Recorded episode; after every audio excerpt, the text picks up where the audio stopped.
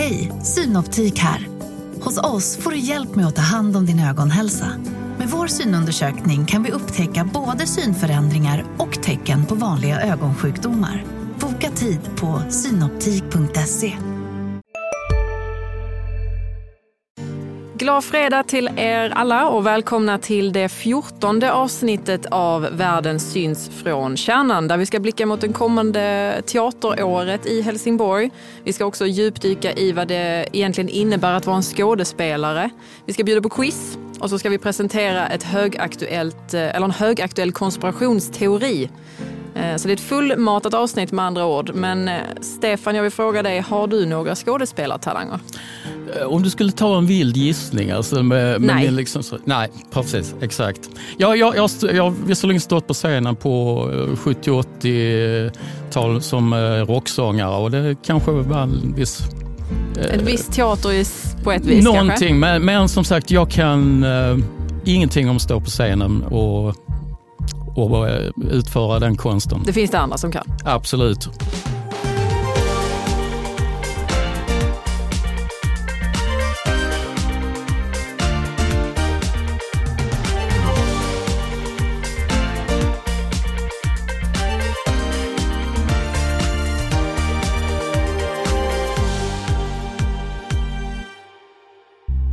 Jag är inte mitt gamla jag. Det kommer jag aldrig att bli igen.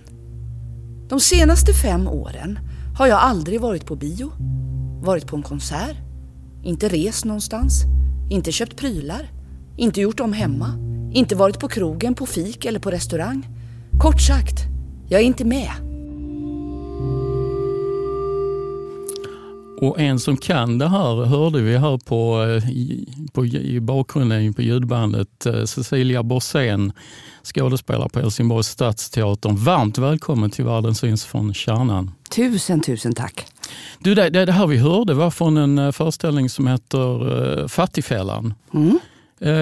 Jag vet, jag intervjuade dig om, mm. om, om den och den betyder ganska mycket för dig förstår jag. Vill du bara lite kort berätta om, om, om den föreställningen? Ja, alltså den bygger ju på en bok som heter Fattigfällan eh, av Charlotta von Zweigbergk. Och då när jag skulle göra den här monologen så fick jag läsa boken först naturligtvis. Och den eh, engagerade och berörde mig något alldeles förfärligt eh, över hur, hur lätt det är att eh, hamna i eh, utanförskap och total ekonomisk misär. Gränsen för att eh, ja, hamna totalt utanför är väldigt, väldigt liten. Det räcker att du blir sjuk. Så kan det gå åt skogen. Och där blev jag väldigt engagerad eh, och berörd. Och, vis, och fick ny kunskap som jag hoppas att publiken också fick. Mm. faktiskt. Hur, hur, hur uppfattade publiken eh, den här föreställningen? Fick du några reaktioner? Ja, jag fick mycket respons. Dels av faktiskt människor som själva hade råkat ut för det här. Men också av människor som inte hade en aning om att det kunde se ut så här. Eh, och som var ganska chockade och förvånande. Eller förvånade. Och då känner man ju att det är precis det, är precis det teater ska göra. Eh, upplysa. Ibland. Men är, är, det det som händer i Fattigfällan, att det är någon som blir sjuk? Mm. Mm. Det är en, en, en kvinna eh, som har ett eget företag och så blir, blir hon utbränd. Och sen börjar karusellen med Skattemyndigheten och Kronofogden och Försäkringskassan. Alltså det, är, det är verkligen så Dantes inferno. Det är fruktansvärt. Och det har hänt. Det bygger ju på, en, på intervjuer som hon har gjort av en riktig kvinna så att säga. När var det den gick upp? Det var väl eh, förra året va? som ni spelade? Mm. Ja. Det, var i, ja, det är ganska exakt ett år sedan mm. faktiskt. Mm.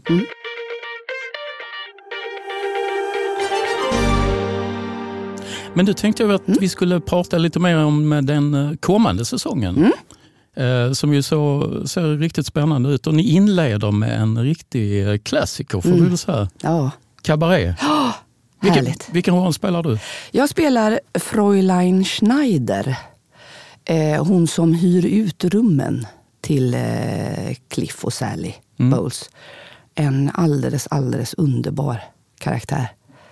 Varför sätter man upp Cabaret, en sån här gammal musikal, eh, nu 2023? Ja, den är väl mer aktuell än någonsin skulle jag säga. Eh, jag menar, det är mycket mycket som påminner om... Eh, det här utspelar sig ju i Tysklands, eh, på 30-talet med allt det som pågick i Tyskland då. Och det kan vi väl säga att det finns många paralleller till, till nutiden. Eh, vad som händer idag med vindar som blåser åt både det ena och det andra hållet.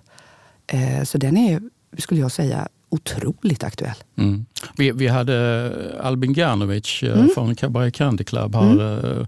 Eh, förra fredagen och eh, då pratade vi just om, om de här vindarna som blåser och mm och, och dragshowartister som utsätts för alltså politiker som ska kliva in och mm. inte hålla armlängds avstånd som man brukar säga när det, när det handlar om kultur. känner, känner, du att de här strömmarna liksom, är de påtagliga idag? tycker du? Ja, det tycker jag definitivt. Mm, på, på vilket sätt då? Nej, men alltså, diskussionen i kulturvärlden och i hela samhället. Men, men jag, jag pratar ju mycket med kulturmänniskor. Eh, och där pratas det otroligt mycket om det här rädslan för att den här armlängds avstånd krymper. För nu har man liksom öppnat en dörr att politiker kan tycka, gå in i detalj och säga vad de tycker är bra och vad som inte är bra. Och så har det inte varit förut. Så det, det är ju helt nytt. Och jag läste ett eh, inlägg av Jonas Gardell som sa att det är konstigt att, att då de här som tycker så inte reagerade på eh, Charles kröning. Människor, människor i guld, män i guldklänning. Så att det, där, den där diskussionen den är, väl, den är högaktuell och väldigt påtaglig tycker jag. Mm. För den som, eller vad skulle du säga? Nej, nej, tar du. Nej, men för mm. den som älskar kabarémusikalen mm. och har sett filmen tusentals mm. gånger, vad kan man förvänta sig om man går och ser den just i Helsingborg? Man kan förvänta sig exakt samma musik, eh, exakt samma text. Eh, och sen är det en liten twist på det som, som gör att eh, den blir lite annorlunda. Men man kommer absolut känna igen historien och musiken och, och sådär. Mm.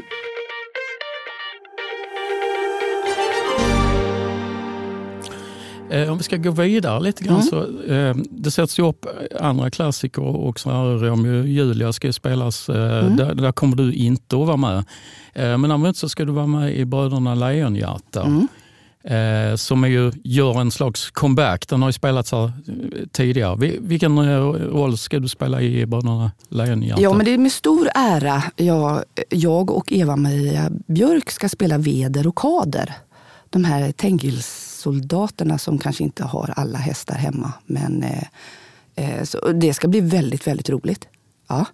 Och det är en väldigt fin historia naturligtvis. Och också aktuell. Och, och jag, har ju sett, jag såg ju uppsättningen när den gjordes och den är ju ja, underbar.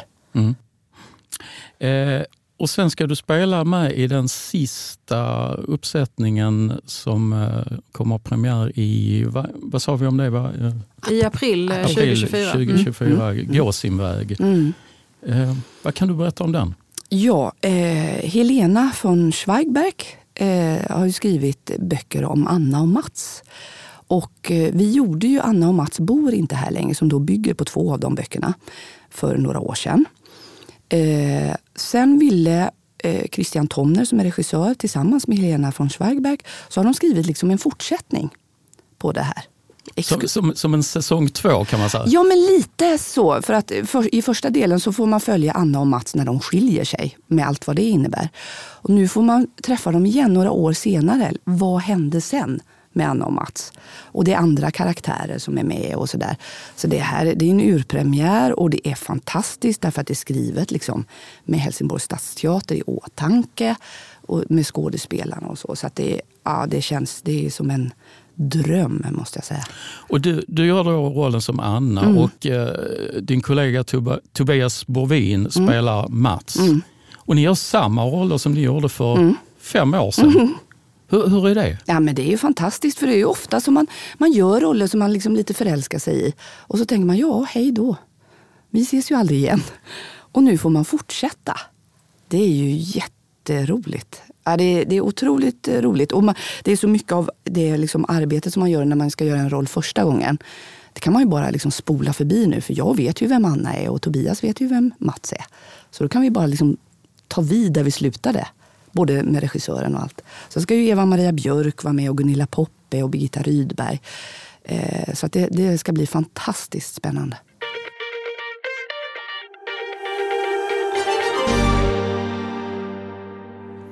Du, jag tänkte på en annan sak. Eh, du spelar ju med även, eh, alltså säsongen som gick nu så spelar mm. du med i Att skiljas. Mm. Det känns lite grann som att uh, det här med relationer och sånt, då, då, då plockar man in Cecilia Borssén. Ja. ja, det har blivit lite så. Det har väl med åldern att göra. Att man, människor just i den ålder jag befinner mig i är man har levt länge tillsammans, man börjar fundera på sitt, sitt äktenskap och då, då eh, är kanske jag då nära till hans som, som skådespelare. Men sen har ju det här året, måste jag ju bara säga, har ju varit fantastiskt därför att jag började att spela 12-åring i Flugornas herre. Sen spelade jag min egen ålder i Att skiljas och så avslutade jag säsongen som att spela 80-plussare evigt ung. Så det är ju så jag vill jobba. Det, det, ja. det, det låter som en dröm för ja. en skådespelare. Ja, det är det faktiskt. Mm. Det är det enda jag vill. För det, i och med det måste man utvecklas och utveckling är det är ledordet för mig. Ja. Men det, jag, jag, måste ändå liksom hålla fast vid mm. lite med, med, relationer. Gör det att man också då tänk, när, man, när man spelar den typen av uppsättningar, tänker man mer på sin egen privata relation eller överhuvudtaget relationer med andra människor? Ja, det gör man definitivt. Därför att man kan ju läsa då manus och tänka, men gud så dumt de uttrycker sig. Och sen kan man gå hem och så hör man ett eko antingen i sig själv eller, eller hos sin man som kanske inte är exakt men som påminner. Så det är klart att man börjar fundera över sin egen relation och går hem och diskuterar, är vi så här? Precis som publiken som kommer och tittar gärna då börjar eh, fundera på, är vi såna här? Så gör jag ju det också naturligtvis. Det är klart man påverkas. Mm. Har, har, du blivit bättre på liksom, relationsbiten? eller? Ja, det är ju det där från ord till handling. Mm. Eh, ja, men lite kanske. Mm. Ja, ja, när man får någonting snapp, snappar man upp? Ja, men man gör det. Man blir ju medveten om det. Lika väl som publiken också blir när de ser en sån föreställning så blir man ju medveten. Så något litet har man väl tagit med sig och tänkt, ah, men så där ska inte jag vara. Mm. Du, du, kan fortsätta som relationsexpert sen framöver. Ja, ja. Jag vill plocka in dig. Ja. Vad säger Cecilia om det här? Ja. Aha, eller en riktigt bra manusförfattare kan du också plocka in. Har, har, du skrivit någonting eller skriver Nej. du? Jag, skri, jag är en skrivande person. Så jag har skrivit ett par grejer som har satts upp på, på Soppteatern på, på Helsingborgs Stadsteater. Men, eh, och det är väl någonting som jag egentligen skulle vilja göra mer. Men det är ju det här med tiden. Eh, jag skulle vilja åka iväg ett halvår och, och skriva. Jag har mm. mycket att skriva om. Mm.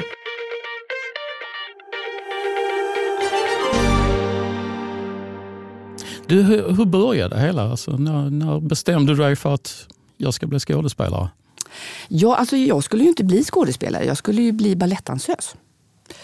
Och gick på Stora Teaterns balettelevskola i Göteborg. Började där när jag var sex år och höll på med det och var helt inne på det.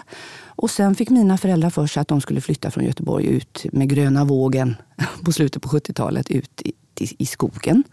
Och då följde jag med och där fanns ingen balettskola. Men, eh, och sen har jag ju jag har ju konstnärer i min släkt. Så att jag har ju varit nära teatern. Jag har fått följa med och, bakom revyscenerna och sitta där och titta på ballettflickorna när de sminkar sig och, och liksom umgås. Så steget då från dansen till teatern var inte speciellt långt. Och det fanns det här behovet av... För dansen är ju också ett, en form att uttrycka sig. Så då började jag med amatörteater och sen så rullade det på. Jarl Borssén är mm. din uh, farbror. Mm. Stämmer bra. Har han, eh, hade han någon slags inverkan på ditt karriärval? Ja, eh, det var inte så att han sa till mig. Han var jätteglad att jag dansade ballett och var väldigt peppande och sådär. Och sen när jag bestämde mig för att bli skådespelare så var han oerhört stöttande och gav mig mycket fina tips och råd och eh, peppade mig väldigt mycket. Mm. Så att, mm. Det finns en, eh, jag har hört det här som ett rykte, att du mm. i tonåren eh, hade någon riktig djupingperiod där du klädde dig i svart och i, i hatt och gick omkring och rökte pipa. Ja. Eh, hur, är det med sanningen överensstämmande? Det stämmer till 100 procent.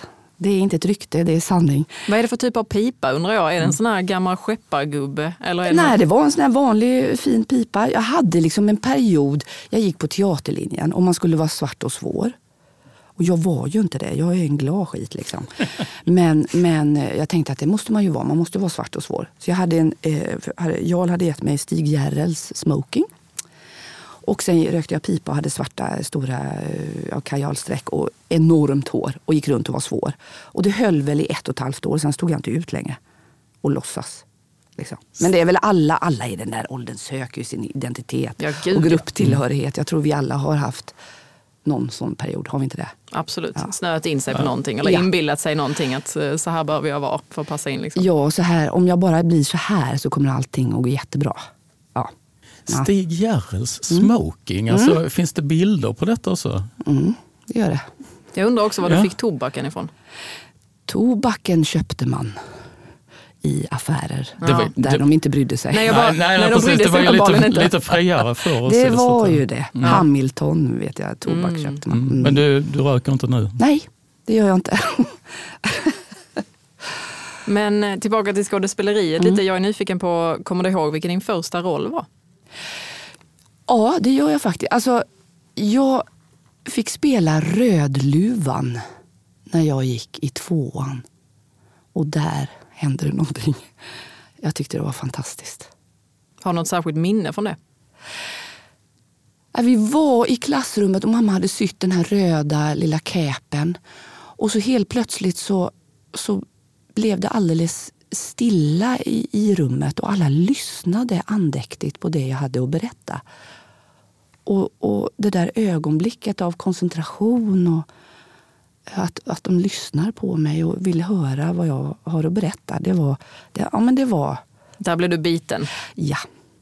som man brukar säga. Känns det Exakt. som. Mm. Men du nämnde också när vi pratade om Anna och Mats eh, att den rollen stannade kvar lite hos dig. Har du lätt för att gå in och ur roller? Det är ju vanligt att skådespelare kanske tar med sig rollen hem. Att det kan påverka hur man mår och sen kanske det är de som bara, "Ja, men nu är klockan fem, nu går jag hem och slänger den här rollen tills nästa dag. Men hur är du där då? Nej, men jag, jag, alltså man arbetar ju så otroligt intensivt med, med en roll. Och, och om det är en roll som verkligen berör en så är det klart att man tar med sig det lite hem. Jag är inte så, här så att jag bara kan stänga av helt. Utan det är, man går ju och tänker och känner, undrar hur hon hade reagerat i den här situationen. Man lever ju med den på något sätt utan att bli galen. Men, men eh, det är klart att det finns med. Och eh, ja, Anna... Jag tycker alla roller som, som, är star- eller som vill berätta eh, saker eller som mår dåligt, alltså, ja, jag blir påverkad. Jag gjorde en roll i Onkel Vanja som heter Sonja. Hon pratar hela tiden om hur ful hon är. Och då blev man så här, ja, ja, man kanske inte är så grann. Alltså, alltså det åt sig in liksom. Det gör Tankens det. kraft. Ja. Ja, den är enorm. Och det, jag tror att det är bra att kunna att vara engagerad i det. Hur, hur bör man sig åt för att memorera, och komma ihåg så mycket text som ni oftast har och, och, jobbar med? Finns det någon speciell teknik som du använder? Eh, nej, den heter eh, tålamodstekniken. jag ger mig inte tekniken. Saken är den att på riktigt, vem som helst. Jag får ju ofta den frågan. Och jag säger, har samma svar, du skulle också kunna göra det. Därför det är ju inte så som, som det var i skolan, att man, skulle, liksom, man fick ett papper, ja du ska kunna det här utan till och så slet man med det. Utan nu är det ju att man gör det hundratals gånger. Man binder ihop texten med, ja just det, där är jag arg, där sätter jag mig på stolen. Så man får ju liksom in texten i både kroppen och medvetandet. Så på det sättet så kan vi alla lära oss text. Hur lång tid kan det ta innan det sitter?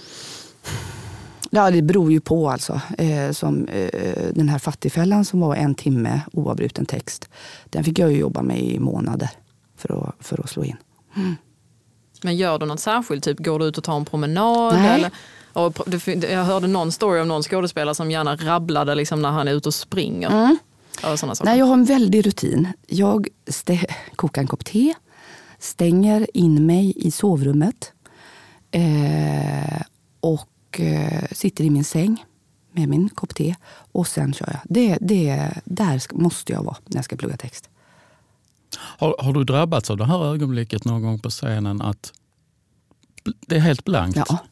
Va, hur, hur, eh, Ja, det är fruktansvärt. ja. Det, man vet ju knappt vem man är i ett sånt ögonblick. Eh, Hur, hur gör man? Hur liksom plockar man? upp- Ja, ja, alltså jag vet ju att ni Mm. har... Alltså, det, det, det finns ju en... Skripta, heter det inte det? Nej, Nej, sufflör. Sufflör. Sufflör. Ja. Förlåt, det var det ordet jag Ja. sökte. Jag höll på att säga gubben i lådan i marken. Det- Då Funkar pratar vi också. 1920-tal. Ja. Men, men, men alltså blir man, i den stunden blir man förbannad på sig själv eller hur? Ska man bara glömma bort det och gå vidare? Ja, man måste göra det. Ja. Man måste glömma bort. Man blir ju oerhört stressad. Jag, jag skulle verkligen vilja titta in i en skådespelares hjärna i ett sånt ögonblick. För jag tror att synapserna, alltså det, det är...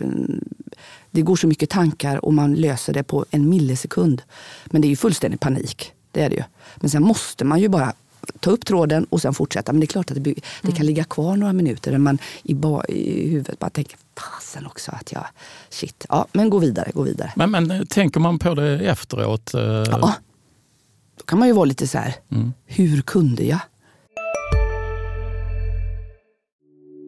Hej, Ulf Kristersson här. På många sätt är det en mörk tid vi lever i.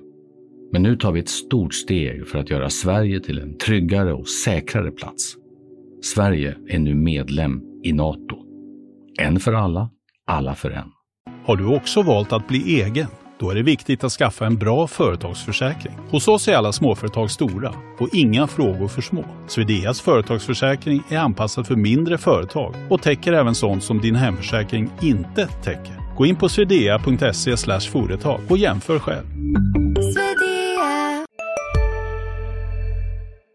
Liksom. Men man får vara snäll mot sig själv. Ja.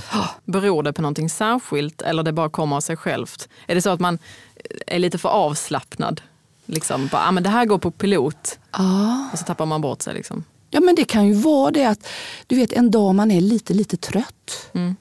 Det vet vi ju alla, hur, att koncentrationen är det första. Och har man då jobbat, kanske repeterat på dagen och sådär. Och så är man lite, lite trött och, då, och så känner man att koncentrationen viker av och då är texten borta. Tack och lov har ju det här hänt kanske tre gånger under hela min karriär. Men man kommer ju ihåg det. Usch, ja, det, det, det känns jag, jag, jag, kan, jag kan känna den skräcken. Ja, liksom. ja. Och, och där sitter en publik Ja. och alla blickar, blickar är riktade mot Ja, dig. ja, Och de fattar ju också då att ja. här har någonting hänt. Nu är hon av banan. Ja. Ja. liksom en sån paus måste ju kännas som en halvtimme för Ja. den personen som står där. Fruktansvärt. En halvtimme av lidande. Det,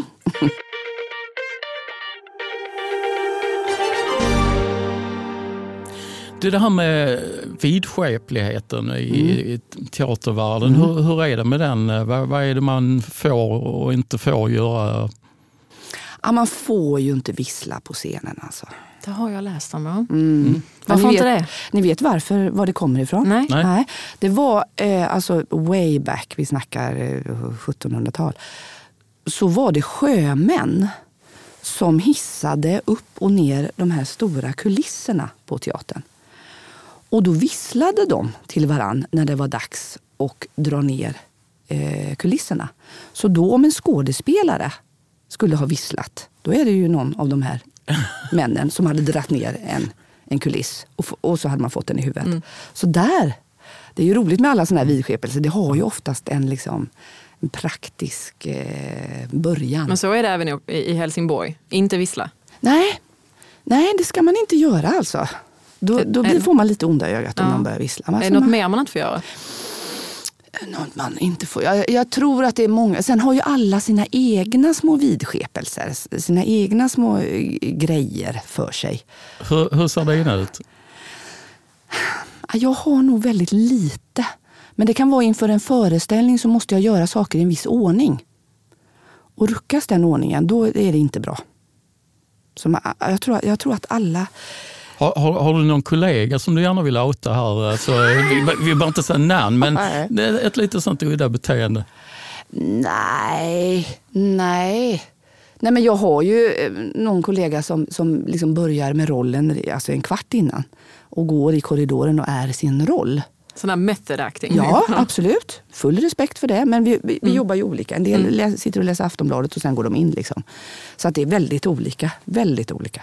Kul att gå förbi den, bara gå och ta en kaffe, bara prata inte med mig. Nej, jag, lär, jag lärde mig det kan jag säga. För jag förstod inte det i början. Men nu förstår jag det. Ja, Mm. Det är tydligt. Och hur är det med det här med lycka till? får man inte säga heller. Nej. Ja, du får säga det, men Ja. jag får inte säga tack. Nej, nej, nej, Nej. just det. Så, Ja. så är det. Ja, Spark eh, brukar Spark, vara det vanliga. Ja. Ja. det vet jag inte var det kommer ifrån. Nej, Nej. spark i rumpan. Ja, spa- man ska spa- man, vi går ju runt och sparkar varandra i rumpan på premiären. Ja, det gör vi allihop. Danskarna säger ju toj toj. Ja. Ta en toj. Toj, toj? Ja, toj toj. Var, var, var, var kom, var kommer det Ja ifrån? du, ring Danmark. Jag har ingen Ja, vi får aning. göra det alltså. Ringa upp någon teaterchef. Toj toj. What does it mean? Men på tal om teatervidskepelse och lite såna Mm. fun facts om teatern så tänkte jag att jag faktiskt skulle sätta er på teaterprov. Åh Det herregud. är, Åh. ja, det är dags för det stora teaterquizet.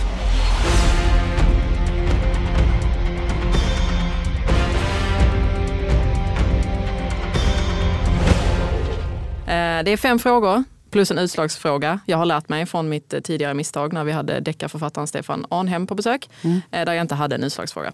Eh, Så ska vi se vem som, eh, som är bäst. Och det, då ska man ropa sitt namn om man Ja, kan. just det. så. Ja, vill ni välja typ ett kodord eller vill ni köra på era namn? Nej, det går bra Ja, med namn. vi kör Ja, jag namn. kör namn. Nu Ja. heter inte Ja. båda Stefan som var Nej, det det var fallet. Nej. Eh, fråga nummer ett. Shakespeares pjäs Macbeth omgärdas ju av eh, vidskepelser som vi var inne på och rädsla för att om man yttrar, yttrar namnet så kommer liksom en förbannelse lägga sig över hela eh, teatersällskapet. Så istället så kallar man pjäsen ofta vid ett annat namn i teatervärlden. Vilket är, Cecilia, ja, den skotska pjäsen. exakt, den skotska pjäsen. Ja, men det här är ju orättvist. Jag har ju spelat i den. Ja, ja, precis. Vad, vad är det för konstiga frågor du ställer Nina?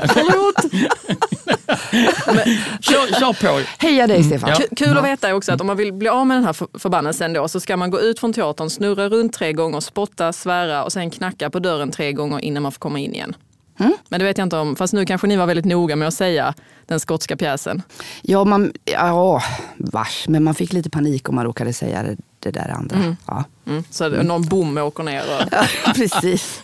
Någon börjar vissla hysteriskt. Ja. Fråga två, då är det ett eh, poäng till Cecilia så länge. Fråga två är, efter 35 år och eh, 13 981 föreställningar så lämnade Fantomen på Operan slutligen Broadway den 16 april i år. I den så får vi ju följa Fantomen som hemsöker Paris operahus och den unga sopranen Christine. Men vad är Fantomens riktiga namn? Och då får ni tre alternativ. Heter han Karl? Heter han Erik? Eller heter han Henrik? Stefan. Karl. Cecilia, Ja. Erik. Ding, ding, ding. Han heter Erik. Fantomens riktiga namn är Erik alltså. Två poäng till Cecilia, Mm, det går noll, bra det här noll till Stefan. Det går precis enligt plan. Eh, fråga tre. Teaterkonsten har eh, en lång historia ända till de gamla grekerna skulle man kunna säga. Eh, och där var det ju tragedi och komedi eh, som spelades på scenerna. Och tragedierna inspirerades ju nästan alltid av grekisk mytologi. Det var väldigt mycket våld i dem. Så pass våldsamt var det att grekerna inte tillät våld att utspelas på en scen utan allting skedde bakom scenen och dödsfallen gestaltades istället med ljud. Och sen så använde man en särskild scen för att putta in de döda kropparna. Är det här sant eller falskt? Stefan. Falskt. Eh. Ja, nu får vi ju det rätt. Cecilia, Va? Vad hade du Sant. sagt? jag hade sagt sant. Ger vi henne poäng för det?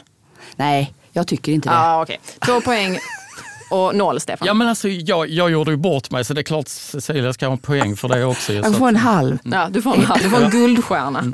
Precis. Men grekerna tyckte i alla fall att det var alldeles för våldsamt för publiken att eh, se av någon anledning. De skulle bara ha sett Game of Thrones. Jaha.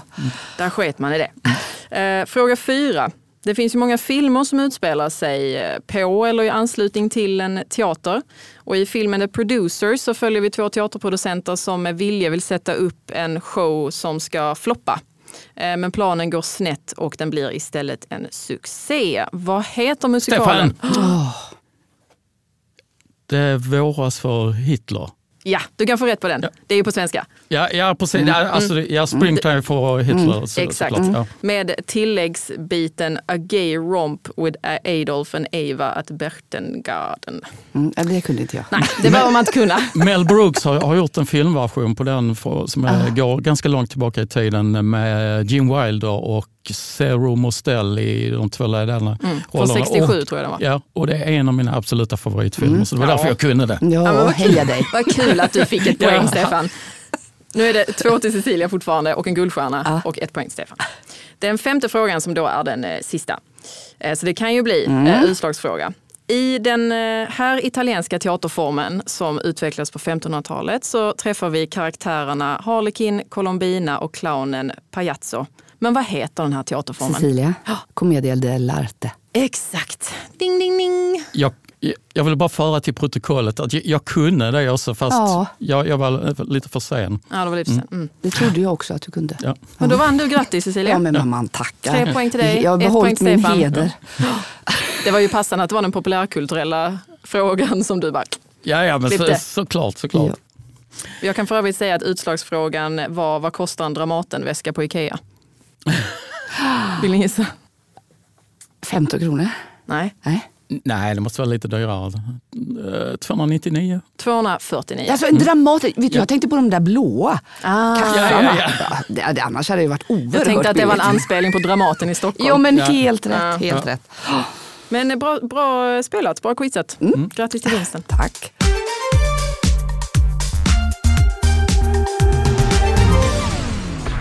Du, eh, jag tänkte på en annan sak Cecilia. Du, du har ju, eh, alltså, mesta del av din tid har du stått på scenerna.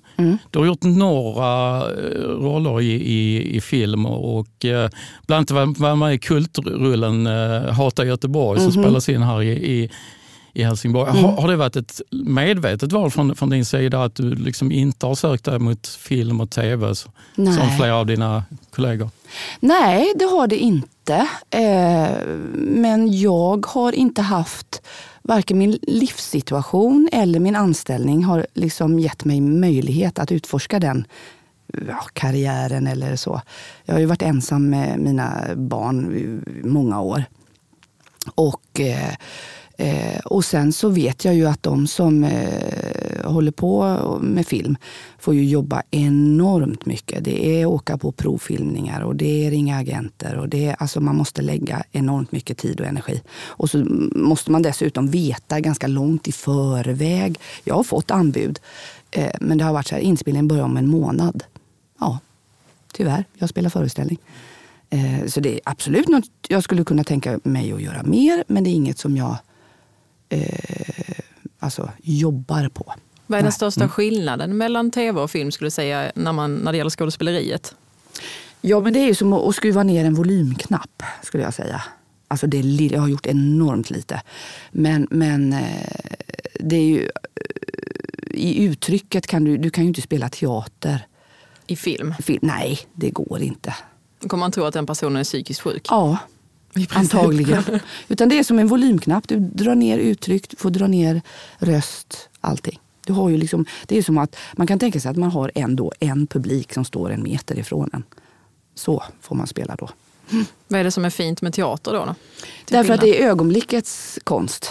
Det är här och nu. Du kan inte ta om. Du kan inte... Vi, jag på scen och de i publiken upplever det här exakt samtidigt. Här och nu. Och det är ju, finns det inte mycket som kan konkurrera med. Det finns en nerv. Ja, det gör det. Det gör det.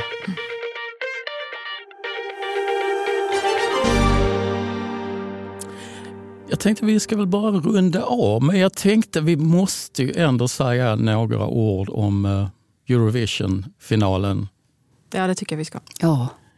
Eh, Du kanske vill ta den bollen lite grann eh, Nina? Om, Ja. eh, för, för att du var lite besviken om jag förstod det rätt, trots att det var en svensk seger med Ja, Loreen jag i- tycker att vi i kan lördags. spela upp lite ur den rättmätige vinnaren.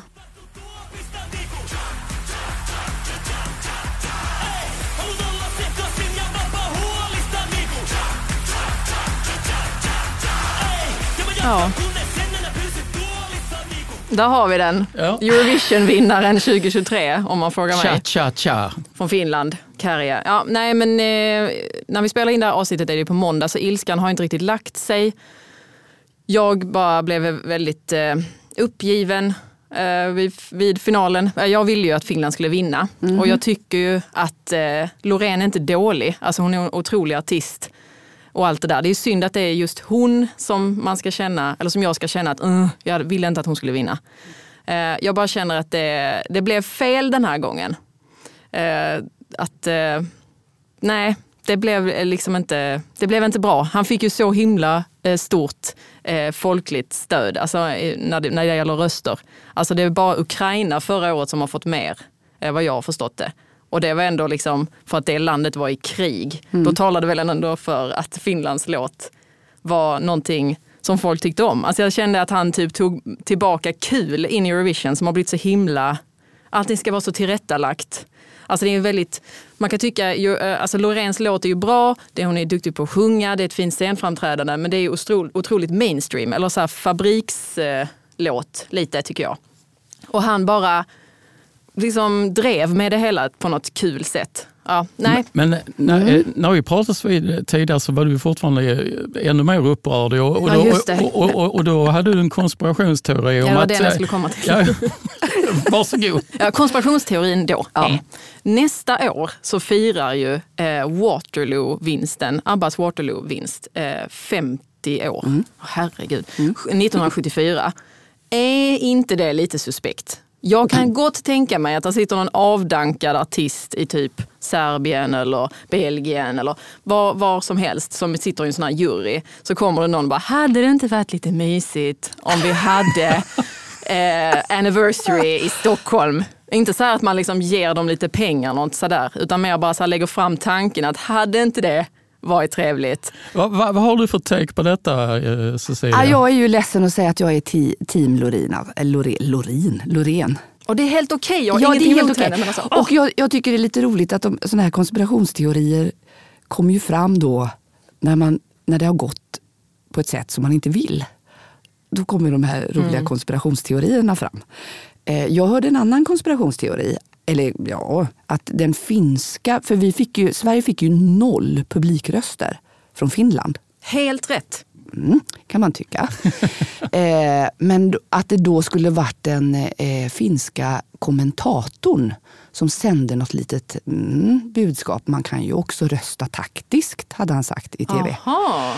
Och detta har ju diskuterats nu. att ha- Uppmanade han den finska befolkningen att inte rösta på Sverige? Jag väljer att tro att den finska befolkningen är självständiga individer som kan tänka. Det vill jag också tro. Ja, Okej, Ja. men... eh, Vad tycker du Stefan? Ja, vad tycker du? Vad jag, tycker du? Jag, jag måste ju säga, jag gillar ju verkligen eh, den finska låten.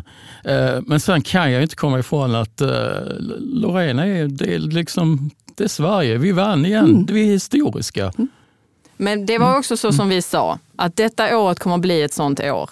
Som 2007.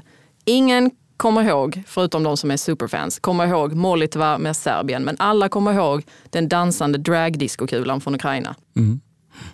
Ja, jo, men lite så kan Ja. det vara. Men, men att, det har, att det inte har vunnit eh, konstiga bidrag vill jag faktiskt eh, säga emot. Mm. Ja, men Lordi. Men det är 2009, det är jättelänge Ja, sedan. med hon som kacklar som en höna. Ja, men, det, ja, men den var också, den var ju ändå, det enda konstiga med den låten var ju att hon kacklar som en höna. Annars var ju låten väldigt normal. Ja, fast hon kacklar som en höna. Ja, sant. Ja. Det, här, det här kan fortsätta känner Så, jag. så, så, precis, jag känner precis det. här. Nu, nu, nu är vi inne på Eurovision-spår och då, då går vi igång. Alltså. Men eh, jag känner ändå att vi måste avrunda här. Så vi satt eh, stort, stort tack till dig Cecilia Rosén för att du kom hit och var med i Världen syns från kärnan. Tack för att jag fick komma. Och jag ska avsluta med att säga att eh, producent det var Evelina Paulsson, tekniker Björn Lilja, ansvarig utgivare Marcus Ekdahl. I studion har ni hört Cecilia Brosén, Stefan Lindqvist och jag, Nina Davidsson. Cha, cha, cha.